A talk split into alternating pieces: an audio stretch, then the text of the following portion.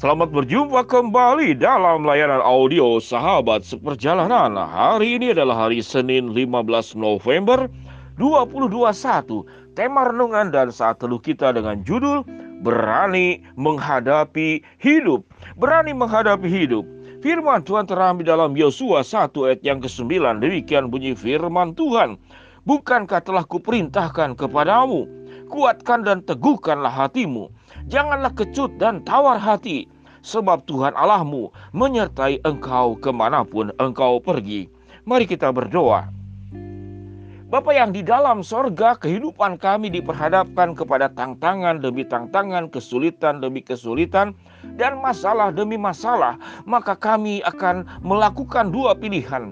Apakah kami akan berani menghadapi hidup atau kami mundur teratur. Ajarkan kami Tuhan kebenaran firman-Mu. Di dalam nama Tuhan Yesus kami berdoa. Amin. Shalom sahabat seperjalanan yang dikasih Tuhan di dalam doa pembukaan yang saya sampaikan tadi. Dalam hidup ini ada dua pilihan.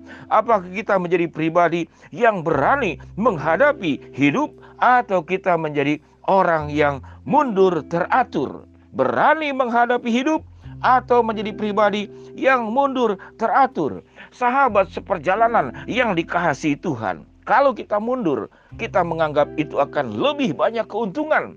Kita akan dihindarkan dari berbagai macam kesulitan, tantangan, problem, dan kita tidak perlu bertempur dengan sulitnya kehidupan ini. Sahabat seperjalanan yang dikasihi Tuhan, tapi kalau kita terus mundur teratur, Betul, kita tidak akan menghadapi berbagai macam kesulitan, namun kita tidak pernah memenangkan kehidupan ini dalam hal yang se sekecil apa pun. Sahabat seperjalanan yang dikasih Tuhan, mengapa kita berani menghadapi hidup? Yang pertama, karena hidup itu akan terus berjalan. Jadi istilah mundur teratur itu sesuatu yang tidak mungkin. Karena hidup ini berjalan ke depan dan hidup ini tidak mundur ke belakang.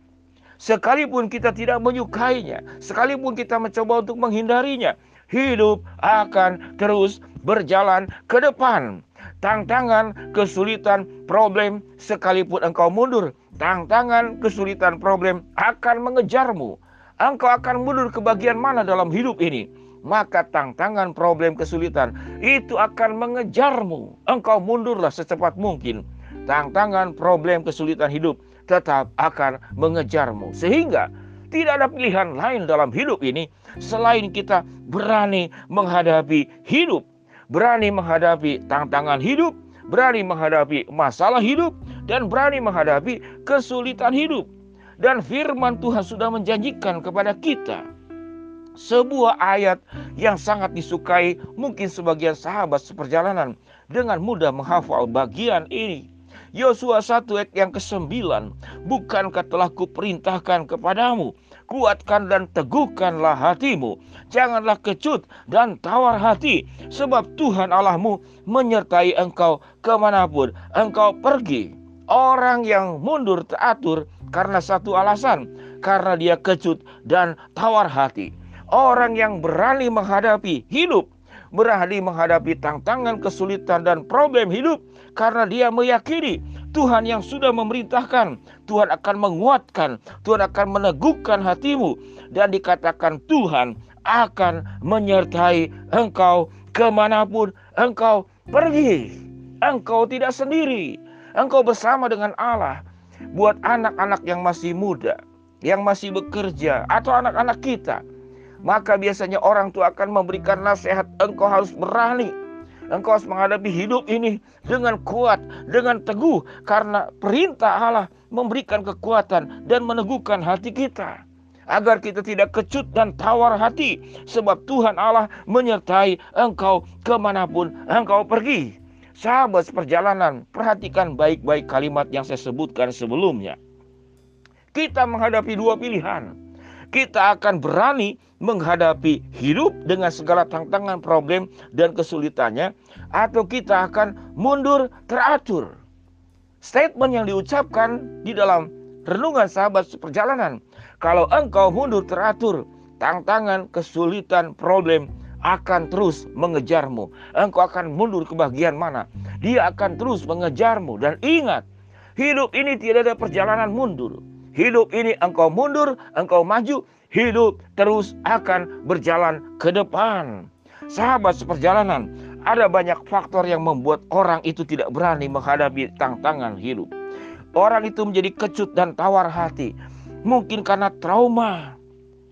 Trauma mungkin karena kesulitan, Mungkin engkau tidak mendapatkan dukungan, engkau tidak mendapatkan topangan, engkau dianggap tidak berharga, engkau tidak diperhitungkan, engkau dianggap sebelah mata, engkau tidak diharapkan, engkau tertolak.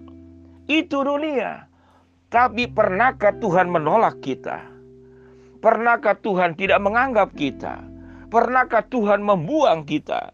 Pernahkah Tuhan itu menganggap kita sebagai remah-remah yang remeh, yang dibuang, yang diasingkan.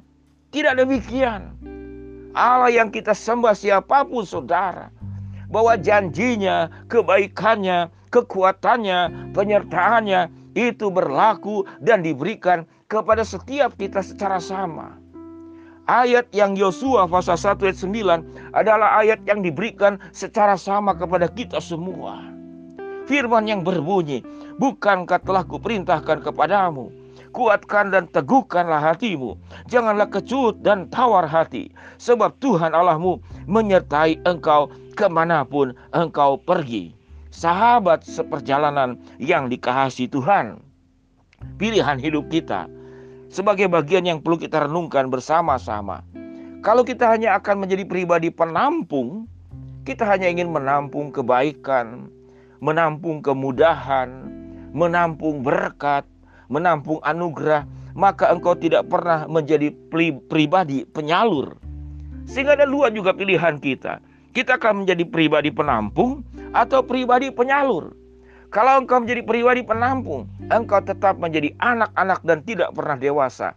Karena anak-anak hanya bisa menampung, menampung perlindungan, menampung makanan, menampung semua yang diberikan dari orang tua, dan engkau tidak pernah menjadi penyalur. Allah memanggil kita mengapa kita berani menghadapi hidup ke depan. Karena Tuhan memanggil engkau menjadi penyalur. Penyalur berkat. Engkau menjadi terang dan garam dunia. Engkau menjadi orang yang tidak hanya meminta topangan, tapi engkau bisa menjadi penopang buat orang lain. Engkau tidak hanya menjadi pribadi yang meminta pertolongan. Tuhan memanggil engkau menjadi pribadi yang menolong orang lain. Engkau tidak hanya meminta dukungan, tapi Tuhan menjadikan engkau sebagai pribadi yang bisa mendukung orang lain, yang bisa menginspirasi orang lain. Sewaktu engkau memilih menjadi pribadi penyalur dan bukan menjadi pribadi penampung.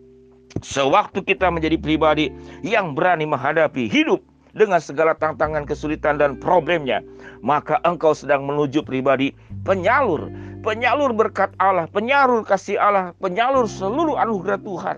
Engkau dipakai oleh Tuhan untuk menjadi terang dan garam. Tapi sewaktu engkau menjadi pribadi yang suka mundur, teratur ke belakang, maka engkau hanya di, menjadi pribadi penampung anak-anak yang tidak pernah tumbuh menjadi dewasa. Tuhan menjadikan kita di dalam dunia ini dengan segala masuk dan rencananya. Beranilah untuk menghadapi hidup karena Tuhan yang menyajikan penyertaan bukankah telah kuperintahkan kepadamu kuatkan dan teguhkanlah hatimu. Janganlah kecut dan tawar hati, sebab Tuhan Allahmu menyertai engkau ke mana pun engkau pergi. Berani menghadapi hidup. Mari kita berdoa. Bapa yang di dalam surga jadikan kami menjadi pribadi yang berani menghadapi hidup dan bukan yang pribadi mundur teratur. Menjadi penyalur anugerah Tuhan dan bukan menjadi penampung. Hambamu berdoa buat yang sakit Tuhan jamah sembuhkan yang sedang menghadapi masalah, Tuhan bukakan jalan. Yang sedang berdoa mengharapkan sesuatu, Tuhan akan kabulkan sesuai dengan waktu, rencana, dan kehendakmu. Di dalam nama Tuhan Yesus kami berdoa. Amin. Shalom sahabat seperjalanan yang dikasih Tuhan. Jadilah pribadi yang berani menghadapi hidup. Tuhan memberkati kita semua. Amin.